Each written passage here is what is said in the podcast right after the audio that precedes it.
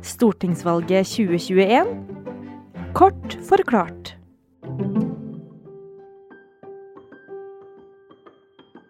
Er du helt sikker på hva du skal stemme, og hvorfor? I denne serien så gir vi deg det viktigste du trenger å vite, sånn at du føler deg litt tryggere når du går inn i valglokalet. Vi tar for oss parti for parti.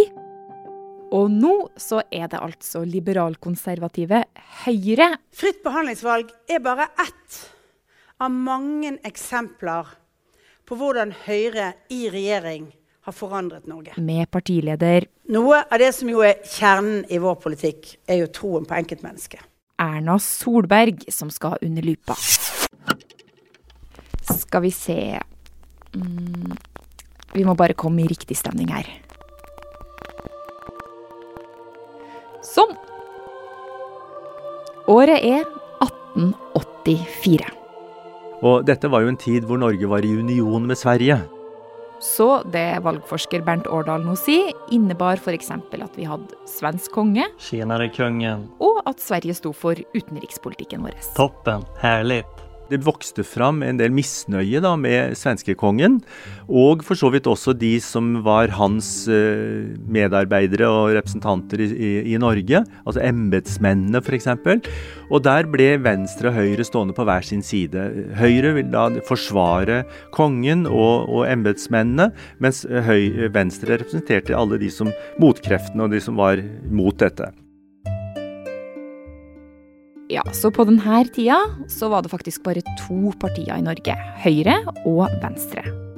Og denne kampen for svenskekongen, den, ja, den tapte Høyre. Og vi fikk, thank God, vår egen konge. Forbli norsk i sinn og tanker, selv om tankene under de nåværende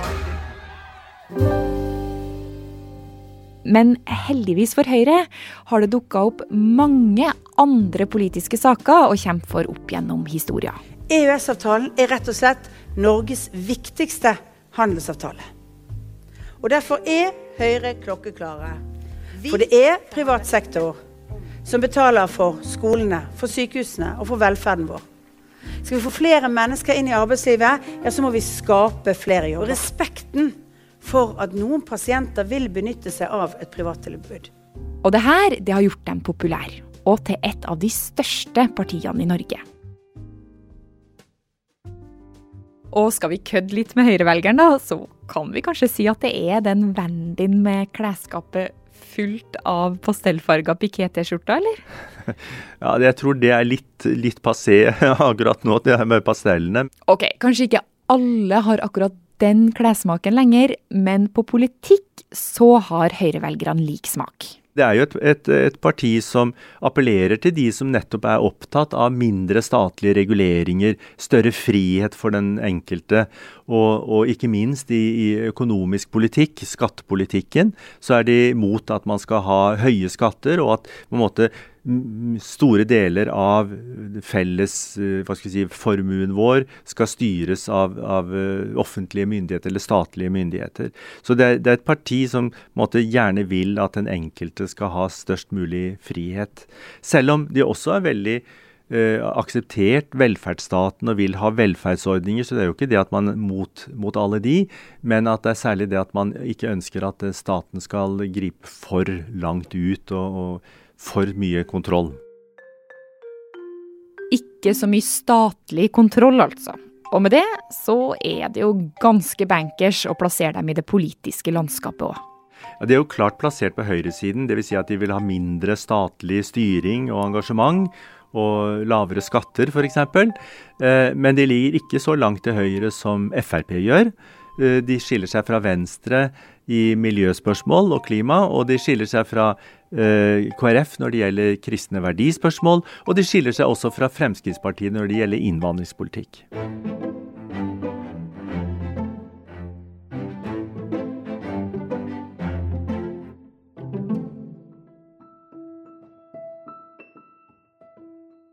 Ok, så nå har vi vært gjennom litt ideologi og historie.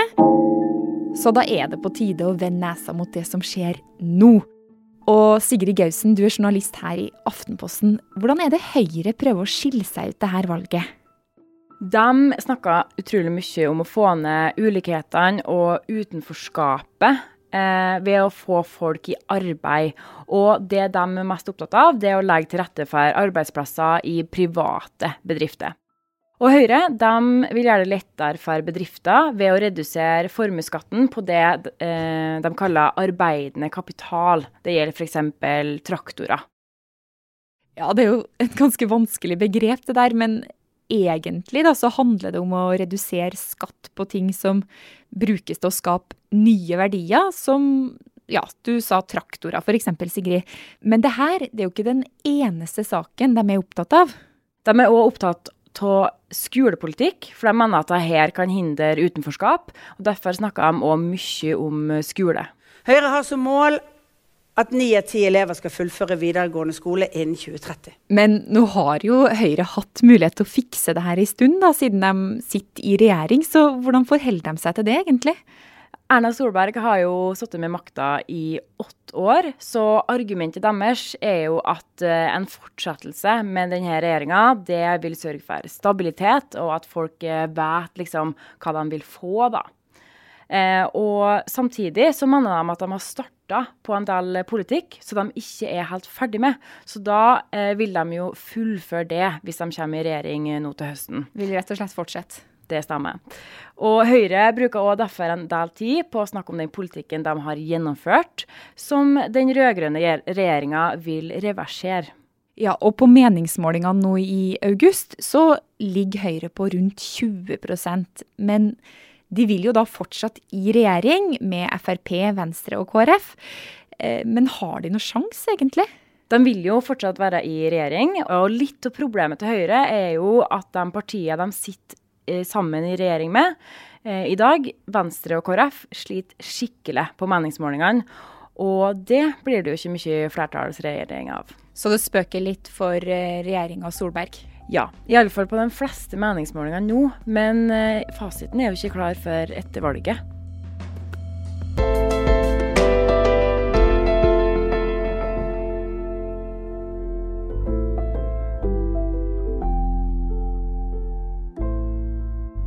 Helt til slutt så skal du få litt sladder av meg. For visste du at Erna Solberg er bitte litt kriminell? Før hun ble 18 år, så brukte hun fake legg på polet. Sjokk, sjokk, sjokk. Og så var det jo denne bursdagsfeiringa på Geilo, da. I neste episode så får du innblikk i et parti som høyrefolk ofte har veldig lite til felles med. Nå gikk det opp for meg at det kan faktisk se ut som om skjorten og hodetelefonene er liksom satt sammen for å matche, men det vil jeg ikke ha på meg. Det er helt uh, tilfeldig.